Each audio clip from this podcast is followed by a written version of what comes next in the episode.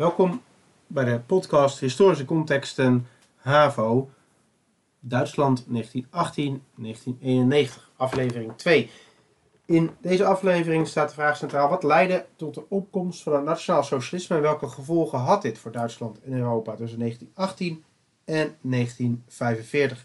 Kijk heel even terug, hè. bij de introductie hebben we het erover gehad dat Duitsland vrij jong ten opzichte van Duitsland en Groot-Brittannië, ten opzichte van Frankrijk en Groot-Brittannië een eenheidsstaat geworden was, pas in 1871. En dat Duitsland uh, eigenlijk maar één bondgenoot had, Oostenrijk-Hongarije. En dat dat uiteindelijk leidde tot een oorlog in uh, 1914, waarbij Duitsland en Oostenrijk-Hongarije vochten tegen Frankrijk, Groot-Brittannië, Rusland, België en later ook nog de Verenigde Staten. Uiteindelijk verliest Duitsland die oorlog, eh, omdat het geïsoleerd is geraakt, omdat het uh, niet meer genoeg grondstoffen kan vinden. En dan ontbreekt het aan steun bij de bevolking. Er breken opstanden uit, met name bij de marine en in uh, fabrieken. En de Duitse keizer ziet in dat hij de macht niet meer langer kan behouden. Hij zegt tegen de leider van de Sociaal-Democratische Partij: uh, wil jij, jij mag een nieuwe regering gaan vormen, jij mag een nieuwe grondwet gaan vormen. Hij vlucht naar Nederland, de keizer, en de leider van de Sociaaldemocraten in Duitsland roept de republiek uit en gaat in de stadje, het stadje Weimar een grondwet schrijven, omdat in, in Berlijn, de hoofdstad, te veel onrust is. En dat zorgt gelijk voor het eerste probleem van die Republiek van Weimar, dat er in Duitsland heel veel um, haat bestaat tegen die Republiek van Weimar met haar grondwet. Omdat ze zeggen van ja, dit zijn de sociaaldemocraten die er schuldig aan zijn dat we de oorlog verloren hebben. Nou, die sociaal-democratische regering gaat daarna ook onderhandelen met de geallieerden, met de westelijke geallieerden, over uh, wat te doen met Duitsland. Duitsland heeft zich onvoorwaardelijk overgegeven. Duitsland was ook aan het front duidelijk aan het verliezen. Maar um, allereerst moet Duitsland toegeven dat zij schuldig zijn aan de oorlog. De schuldvraag wordt beantwoord dat Duitsland schuldig is van de oorlog. Dat de schuld is van Duitsland. Oostenrijk zelf speelt hier ook trouwens bijna geen rol meer in, want Oostenrijk-Hongarije uit elkaar gevallen is. Al die volken in Oostenrijk-Hongarije, zoals Tsjechoslowakije, Hongarije, uh, Slovenië, Kroatië, uh, een stukje van Italië, die worden allemaal onafhankelijk. Uh, of die sluiten zich aan bij bijvoorbeeld Joegoslavië of bij Italië. En daardoor is Duitsland ook als enige land overgebleven. Dus Duitsland is ook de enige die die schuld kan krijgen. Duitsland krijgt ook de schuld. En Duitsland moet grondgebied afstaan. Een klein stukje aan België. Een groot gebied aan Polen. Het meest oostelijke deel van uh, Duitsland, wat tegenwoordig Kaliningrad is, wat dat dan met nog Koningsbergen heette, dat moeten ze afstaan aan, uh, dat behouden ze, maar dat stuk daartussen moeten ze afstaan aan Polen. Elsass-Lotharingen, waar de stad Straatsburg en Metz liggen, wordt afgestaan aan Frankrijk. En de koloniën die Duitsland hadden, die keizer Willem II zo ontzettend graag wilde dat hij daar die hele grote vloot voor ging bouwen, die worden verdeeld onder de geallieerden. Met name Duitsland, name Frankrijk en Groot-Brittannië krijgen daar veel uh, dingen voor. Duitsland moet ook ontwapenen. Ze mogen geen tanks bouwen, ze mogen geen grote marineschepen bouwen, ze mogen maar, nog maar een heel klein leger hebben, 100.000 soldaten, ze mogen geen luchtmacht hebben. En uh, Duitsland moet ook een enorme schadevergoeding betalen. Als een herstelbetaling voor de schade die ze hebben aangericht in de Eerste Wereldoorlog. Ze moeten 132 miljard goudmark betalen, plus nog betalingen in natura. Dan moet je denken aan uh, industriële producten en dergelijke. Nou, je ziet hier aan dat uh, dit vooral iets is waar het land Frankrijk heel blij mee was. In Noord-Frankrijk hebben vier jaar lang die loopgraven gelegen. Noord-Frankrijk is dus voor een heel groot deel uh, vernietigd geraakt door die oorlogvoering. En er zijn ontzettend veel Franse soldaten, Franse jongens uh, gesneuveld. Dus Frankrijk vond dit een goed, goede uitkomst. Frankrijk krijgt ook een stuk grond weer erbij. Een stuk grond dat ze in 1870 hadden moeten afstaan. Engeland en de Verenigde Staten zijn hier minder blij over. Dan zeggen ze, ja, dit is toch wel um, heel erg uh, streng gestraft. En er is ook een van de mensen die bij die Engelse delegatie zit bij dat verdrag van Versailles, die zegt, ja, we hebben hier eigenlijk de zaden voor, gezaaid voor een, een nieuwe oorlog over twintig jaar tijd. En in Duitsland zelf is men heel erg boos. Zeg, hè? We hebben enerzijds zeggen ze, van, ja, we hebben door de Sociaaldemocraten de oorlog verloren, maar door dit dictaat van Versailles, doordat er ons allemaal opgelegd wordt, uh, zijn we nog een keer in de rug gestoken door de Sociaaldemocraten. Dus er ontstaat een dolkstootlegende die zegt van joh, de Sociaaldemocraten hebben de schuld van de oorlog. Dan kan je wel zeggen dat als Duitsland niet getekend zou hebben, Duitsland had zich al overgegeven, Duitsland was er heel slecht aan toe. Er waren ook veel ehm, opstanden, ook in 1919 en 1918 in Duitsland. Als Duitsland niet getekend had, dan zouden de geallieerden toch weer verder zijn gaan vechten. Zou Duitsland veroverd zijn geweest. En zou op dat moment leek dat wel ehm, veel slechter voor Duitsland. Nou, de Duitse economie die heeft nogal last van die herstelbetalingen. En ehm, ja, die krijgen daar krijgen moeite mee om aan al die betalingen te voldoen.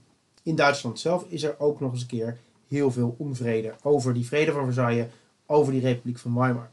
Er, wordt, uh, er is steun vanuit de Sociaal-Democratische SPD, vanuit de katholieke Zentrumpartij en een klein partijtje, de liberale DDP, die steunt het ook.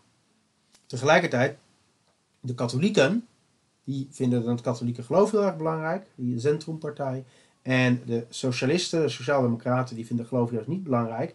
En doordat er vlak daarvoor in Rusland een revolutie uitgebroken is, waarbij uiteindelijk de communisten de macht grepen, waarbij uh, religie afgeschaft wordt, dat het heel moeilijk gemaakt wordt voor gelovigen in Rusland om nog naar de kerk te gaan, om nog hun geloof te beleiden, zeggen die katholieken van ja, die, die sociaaldemocraten, die SPD, dat is een, een partij die toch wel heel dicht tegen het communisme aanzit dat kan niks goeds betekenen voor ons geloof. Dus die hebben heel veel wantrouwen ten opzichte van die SPD. Dus die willen daar al niet graag mee samenwerken.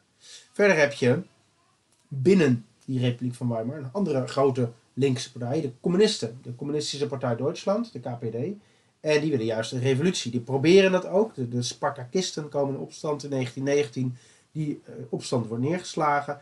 Maar die communisten die willen eigenlijk gewapende opstand. Die willen dus geen democratie, zoals de Sociaaldemocraten dat wel willen.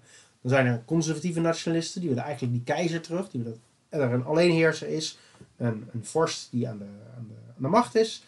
En langzaamaan komt een andere groep op, de fascisten. Die willen een groot Duitsland onder leiding van een sterke man. En daarnaast zijn er ontzettend veel teleurgestelde, werkloze ex-soldaten die zeggen, ja, die uh, Republiek van Weimar, dat uh, is verschrikkelijk, dat hadden we niet, uh, nooit moeten doen. En die Republiek van Weimar in eerste instantie in 1918, 1919, 1920 heeft dat heel veel grote problemen. Die vrede van Versailles wordt getekend, er moeten herstelbetalingen betaald worden en er is heel weinig politieke steun. Er zijn in die jaren tussen 1918 en 1923 vinden drie keer, vindt drie keer een staatsgreep plaats. Eerst in 1919 ehm, met de Spartakisten, de communistische staatsgreep. Dan in 1920 een rechtsnationalist. En uiteindelijk in 1923, tijdens de hyperinflatie, um, net een, een, vrij nieuwe partij, de NSDAP, onder leiding van Adolf Hitler, probeert ook de macht te grijpen. Nou, alle drie de keren lukt het niet, maar het maakt wel duidelijk dat die republiek heel instabiel is. Ja, in 1923 dan het is echt een jaar waarop het uh, in eerste instantie helemaal mis lijkt te gaan, maar uiteindelijk het even wat beter gaat met die Republiek van Weimar. De herstelbetalingen die ze moeten betalen, die drukken zo zwaar op de uh, economie, dat de leider, leiding van de Republiek van Weimar zegt, wij kunnen niet meer betalen. Daarop zegt Frankrijk van, nou, dan halen we het zelf wel. Die bezetten een gedeelte van, wat heet het, het Rijnland en het Saargebied, een gedeelte in uh, het westen van Duitsland, bezetten ze dat nemen ze in en dan zegt de Duitse regering: ehm, dan moet je maar gaan staken in dat gebied en wij betalen jullie lonen door. Maar doordat ze die lonen doorbetalen terwijl er geen dekking achter zit, geen economische uh, output achter, krijg je een gigantische inflatie, hyperinflatie, waardoor de um, D-mark niks meer waard wordt. En dat is een groot probleem. Het zorgt er dus ook voor dat er um, zoveel onvrede ontstaat dat Hitler probeert de macht te grijpen. 1923, maar dan lukt dat niet. En het zorgt er ook voor dat de Amerikanen en de Fransen en de Engelsen zeggen: ja, het werkt ook niet om Duitsland zo hard te straffen op deze manier. We moeten ervoor zorgen dat het op de een of andere manier wel opgelost kan worden. En uiteindelijk is het Dols, een uh, minister uit de Verenigde Staten, die met een oplossing komt. Namelijk, de Verenigde Staten die hebben heel veel leningen uitstaan bij de Fransen en de Engelsen. Die leningen die zijn ze aangegaan tijdens de Eerste Wereldoorlog en die moeten ze terugbetalen. Nou, het idee van die dols is als de Verenigde Staten geld uitlenen aan Duitsland, kan Duitsland daarmee de economie opbouwen. Het geld dat ze dan verdienen kunnen ze gebruiken om hun herstelbetalingen te betalen aan Frankrijk en Groot-Brittannië. En Frankrijk en Groot-Brittannië kunnen hun leningen dan weer terugbetalen aan de Verenigde Staten. Zo krijg je een driehoekje waarin het geld mooi rondgaat. En dat werkt zolang in de, de Verenigde Staten de economie zo hard groeit, de welvaart zo groot is, dat het kan om Duitsland ook geld te lenen. En dat zorgt voor politieke rust ook. En er wordt ook een, verzoeningspolitiek met Frankrijk ingezet. Het lijkt allemaal langzaam aan beter te gaan. Uh, culturele bloei ook. Uh, de, de, belangrijke filmmakers, schrijvers, muziekmakers zitten dan in, in Berlijn, andere plaatsen van Duitsland. En dat gaat goed tot 1929. 1929 breekt in de Verenigde Staten namelijk de, grote, de grote depressie uit. Grote economische crisis. En dan is er in de Verenigde Staten geen geld meer voor uh, die leningen naar Duitsland. En in Duitsland stort de economie in. En dat zorgt voor massawerkloosheid, miljoenen en miljoenen werkloosheid, werklozen. En daarom wordt het voor veel mensen in Duitsland aantrekkelijker om te stemmen op een hele extreme partij. Extreme partijen moet je denken aan de communisten aan de linkerkant en aan de rechterkant de nationaal socialisten onder leiding van Hitler. Hitler die is de jaren daarvoor eigenlijk een heel uh, onbeduidende politicus geweest. Hij heeft geprobeerd de macht te grijpen in 1923, maar dat lukte niet. Eventjes in de gevangenis gezeten, daar een boek geschreven, Mein Kampf, waarin hij zijn ideeën uiteenzet. En de jaren daarna dan is het een klein partijtje in uh, die Weimarrepubliek. Maar na die economische ineenstorting, dan neemt die uh, populariteit van Adolf Hitler enorm toe. En waar hij ook heel erg van profiteert, is dat doordat de communisten ook populairder worden, veel mensen bang zijn voor een nieuwe communistische revolutiepoging. En denken ze, wie is nou in staat om die communisten het hoofd te bieden? Wie is nou in staat de communisten te verslaan? Eigenlijk niemand anders dan Adolf Hitler. Dus krijgt hij weer nog meer stem. Nou, wat er dan in 19, uh, 9, na 1929 gebeurt, dan krijgt dus Hitler steeds meer aanhang. En het is belangrijk om eventjes stil te staan bij veel wat voor um, ideeën, wat voor overtuigingen had Hitler, wat voor overtuigingen hadden uh, de nazi's eigenlijk. Nou, allereerst is het belangrijk om stil te staan bij het feit dat uh, fascisme heel veel, um, zich heel vaak negatief uitdrukt. Ze zijn tegen parlementaire democratie, tegen persoonlijke vrijheid, um, tegen uh, eigenlijk andere volken. Ze zijn ook heel sterk nationalistisch. Ze vinden het heel belangrijk dat er uh, opgekomen moet worden voor het volk. En dat er dus een volksgemeinschaft ontstaat. Het idee dat het belangrijk, de volksgemeinschaft, hè, het, de volksgemeenschap belangrijker is dan het individu. En er voor het Duitse volk een groot rijk moet komen met levensruim in het oosten van Europa. Het is ook wel seksistisch. Er is uh, meer aandacht voor de man dan voor de vrouw. Het is belangrijk voor de vrouw om te luisteren naar de man, veel kinderen te krijgen, die dan later weer als het mannen zijn weer soldaat kunnen worden. En belangrijk kenmerk van het nationaal socialisme, dat veel sterker in het nazisme zit dan in het fascisme, dat het ontzettend racistisch en antisemitisch is. Het, uh, nazisme gaat ervan uit dat er zoiets bestaat als een Arisch ras maar um, dat de mensheid zou helpen en dat dat um, te lijden heeft onder um, ja, inferieure, verderfelijke rassen, zoals de Roma en Sinti en Joden. Die zijn parasitair, die bevinden zich tussen andere rassen in. En daarnaast zijn er rassen die minder waard zijn. Slavische volken in Oost-Europa, volk, Afrikaanse volken en uh, de, de donker, uh, donkere volken in India. En um, daar kijken ze eigenlijk heel erg op neer. Zeggen ja, die moeten dienstbaar zijn aan de, um, wat ze zelf dan zeggen, de Ubermenschen. En de volken die zich tussen, die dus niet een eigen gebied hebben. Zoals bijvoorbeeld Joden, die uh, zijn eigenlijk een, een, een die zien zij als een ziekte in de samenleving en die zouden verdelgd moeten worden. Um, uiteraard hele uh, nare denkbeeld die ze hebben, maar in Duitsland en heel veel andere landen in Europa overigens ook, zijn dat wel wat extreme denkbeelden. Maar het idee dat je het ras zuiver moet houden, het idee dat er toch wel iets is met Joden, dat leeft in veel groepen in Duitsland, maar ook veel plekken in Frankrijk en in Rusland en in Nederland. Dus antisemitisme is op dat moment ook wel redelijk normaal. de felheid en de gewelddadigheid van het antisemitisme van Hitler, dat ehm, is wel afwijkend. Maar het is niet zo dat het heel bijzonder is voor politici op dat moment om je zo ontzettend antisemitisch en racistisch uit te drukken. Andere belangrijke kenmerken van uh, fascisme zijn ook dat het totalitair is. Ze alle aspecten van het leven beheersen. Dus de, niet alleen de regering, maar ook de opvoeding, ook het onderwijs, ook de cultuur, ehm, ook de sport, alles. Geweld is heel erg belangrijk. Geweld wordt verheerlijkt en is heel sterk hiërarchisch. Dat er aan het hoofd één leider, één Führer staat die de, uh, het beste is van het hele volk en iedereen moet daar naar luisteren. Ja, Hitler wint een aantal keer uh, verkiezingen en nadat hij in januari 1933 opnieuw verkiezingen heeft gewonnen, zijn de, de conservatieven, die uh, wel machtig zijn, maar niet veel stemmen krijgen, die denken wij uh, maken Hitler rijkskanselier, maken we premier en dan kan hij uh, de communisten uitschakelen.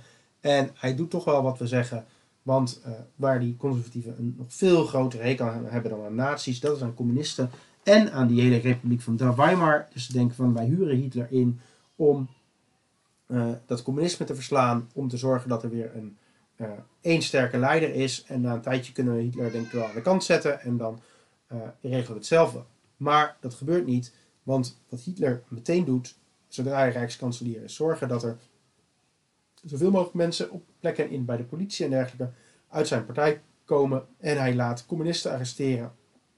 En als dan in februari 1933 Marinus van der Lubbe, een Nederlandse communist, de Rijksdag in de fik steekt als teken dat er iets moet gebeuren tegen de nazi's, dat is een, een, een eenmansactie, Ehm, dan zegt Hitler, ja, dit is een communistische machtsgreep. Hij laat ontzettend veel communisten gevangen nemen. Een aantal communisten ook doodschieten. De communistische partij wordt verboden. En in, uh, hij laat een, uh, de, de noodtoestand uitroepen. En dan laat hij opnieuw verkiezingen uitschrijven. Die dus verre van vrij zijn.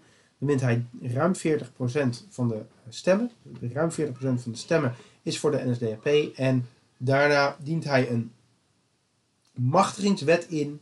En ehm, die machtigingswet die zegt van dat uh, de Rijkskanselier, Hitler dus, um, zelf wetten kan voorstellen en aannemen. Dat het parlement uh, daar niet meer over kan stemmen. En die machtigingswet wordt aangenomen. Heel veel, uh, dus de politici die niet bij de NSDAP zitten, zitten, die worden sterk onder druk gezet.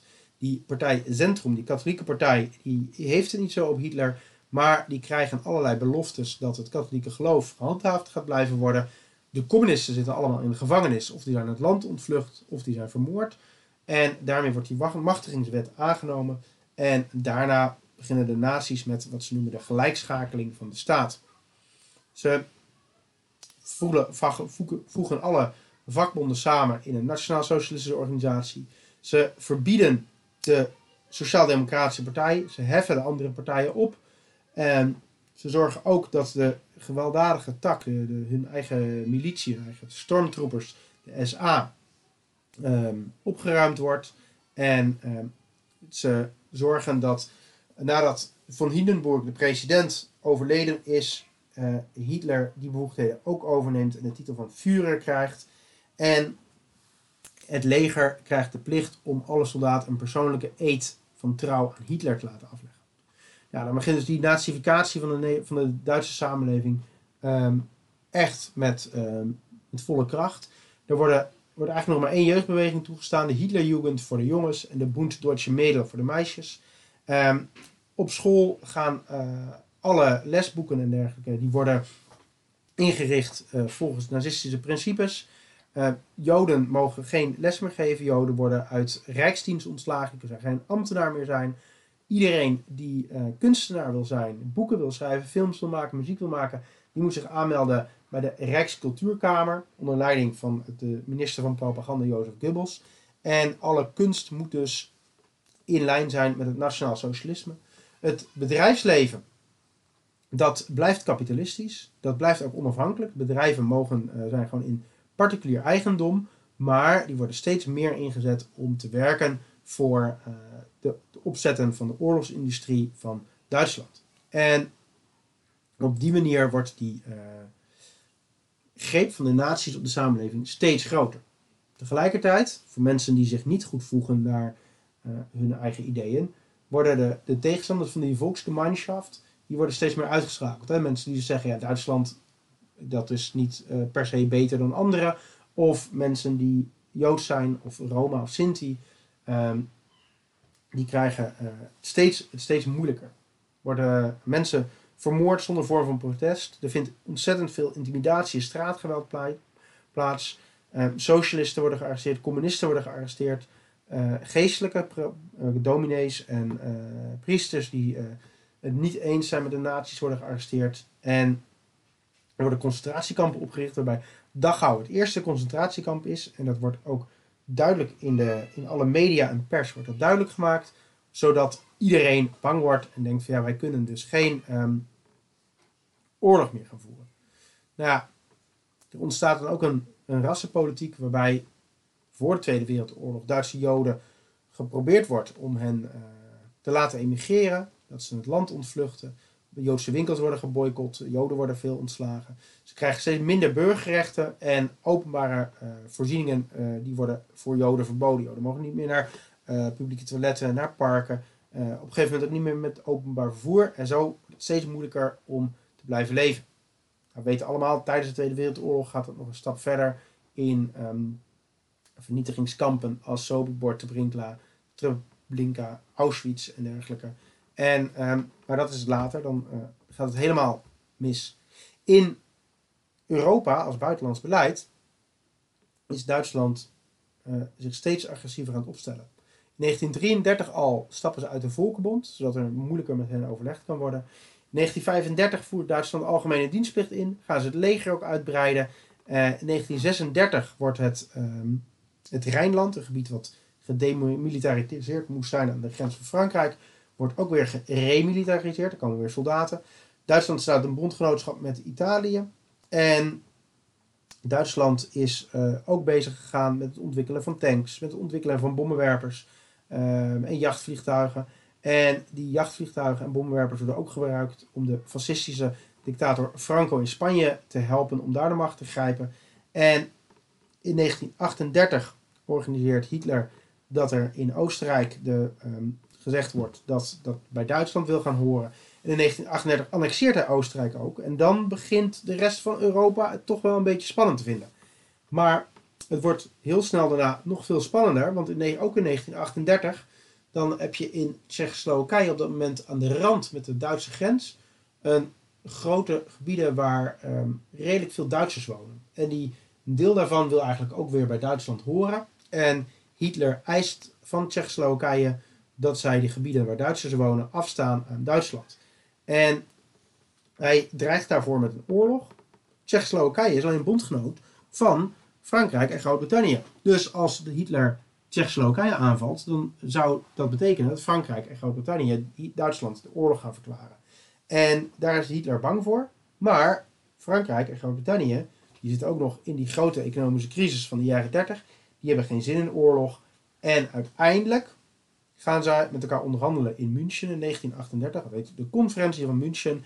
En dan wordt gezegd, nou Hitler, jij mag die gebieden in Sudetenland overnemen van Tsjechoslowakije. Maar dan moet je wel stoppen met uh, het veroveren van andere gebieden.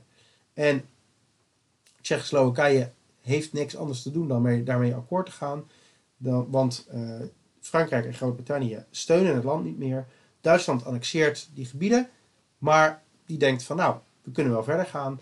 En het jaar daarop, in 1939, dan wordt nog eens een groot stuk van Tsjechië ingepikt. Maar Duitsland en de Sovjet-Unie sluiten dan ook een niet-aanvalsverdrag.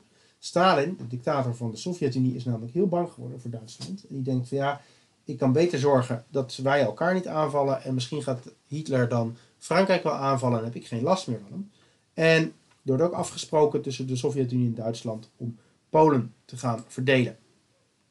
Nou, dat gebeurt ook. Op 1 september 1939 valt Hitler Polen binnen. Twee weken later valt de Sovjet-Unie ook Polen binnen. Maar daarvoor al zeggen Engeland en Frankrijk: dit is uh, de laatste druppel, dit had je niet moeten doen. En, uh, want je zou stoppen met veroveren en ze verklaren de oorlog aan Duitsland op 3 september. En nadat uh, Polen veroverd is, het voorjaar daarna, dan valt Duitsland Frankrijk binnen en Nederland en België. En in zes weken tijd wordt Frankrijk verslagen. Nou, dat zorgt er dan in Europa voor dat er echt een schokgolf losbreekt van wat zijn die Duitsers ontzettend moeilijk te verslaan. Ze zijn echt bijna onoverwinnelijk. In de Eerste Wereldoorlog, veel mensen die uh, toen leven, die konden zich dat nog wel herinneren natuurlijk. Dat was twintig jaar daarvoor. Toen duurde het vier jaar voordat Duitsland verslagen was. Maar al was Duitsland er nooit in geslaagd om Frankrijk te veroveren. En nu lukt dat in zes weken tijd. En dat zorgt ervoor dat er heel veel um, angst en, en een soort van respect ontstaat voor Duitsland. Maar Groot-Brittannië weigert zich over te geven. Groot-Brittannië blijft doorvechten tegen Duitsland. En um, Duitsland die uh, besluit uiteindelijk maar van, nou ja, dan uh, zetten de bunkers aan de Franse kust om ons te beschermen tegen de Engelsen. En in 1941 in de zomer, helemaal in lijn met Hitlers uh, gedachtegoed, dan wordt de Sovjet-Unie aangevallen. Want de Sovjet-Unie is communistisch. Voor Hitler is het communisme een grote vijand. De Sovjet-Unie wordt aangevallen. De rest van Polen en uh, wat tegenwoordig Estland, Letland, Litouwen is, Wit-Rusland, uh, Oekraïne, wordt allemaal voor het grootste gedeelte veroverd. En er worden ook dan, komen dan ook gebieden in handen van de Duitsers, waar heel veel, ook heel veel Joden wonen. En dan wordt gezegd van ja, al die, met, al die gebieden waar Joden wonen, daar um, moeten we alle Joden in wijken opsluiten, zodat andere mensen geen contact met ze hebben. En vanuit de nazi-ideologie wordt dan besloten al de Joodse mensen te vermoorden op industriële schaal. Dat gebeurt in Sobibor, Treblinka, Auschwitz, maar ook daarvoor al door uh, doodseskaders, uh, uh, groepen Duitse soldaten die, die dorpen binnengaan en alle Joodse inwoners doodschieten. En er vindt daar in vier jaar tijd een massamoord op 6 miljoen mensen plaats. Waarbij een groot deel van de Europese Joodse gemeenschap, maar ook van de Europese Roma- en Sinti-gemeenschap, vermoord wordt. Nou, tegelijkertijd in 1941, aan het eind van 1941, dan valt Japan Amerika aan, de Verenigde Staten. En dan verklaart Duitsland als bondgenoot van Japan, verklaart Duitsland ook de Verenigde Staten de oorlog breken er vier jaar van grote gevechten uit. Waarbij um, in, um, eerst in Egypte de Duitsers teruggedrongen worden. Want die zijn uh, om Italië te helpen ook uh, Noord-Afrika binnengevallen. Maar met name bij de slag om Stalingrad in het zuiden van Rusland. Daar lukt het niet om die stad te veroveren.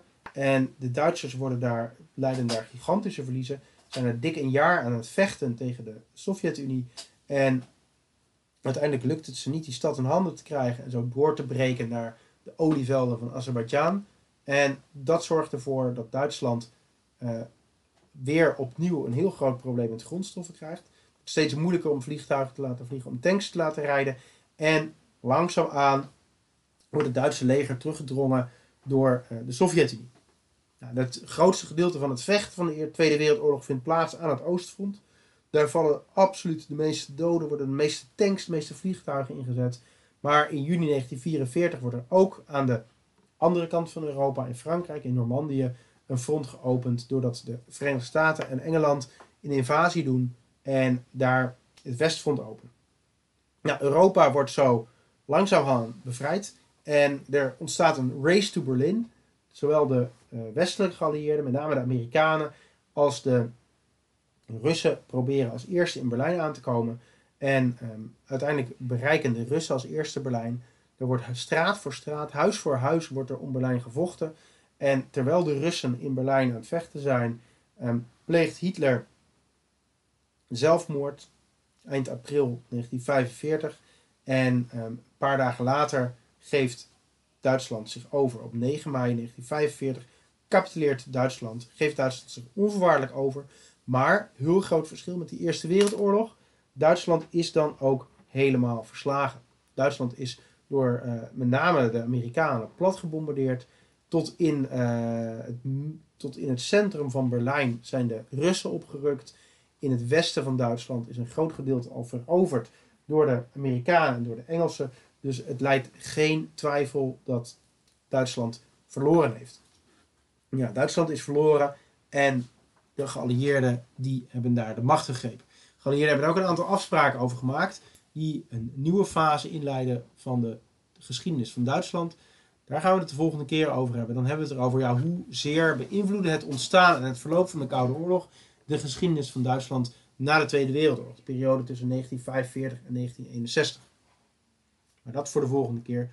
Voor nu is het klaar.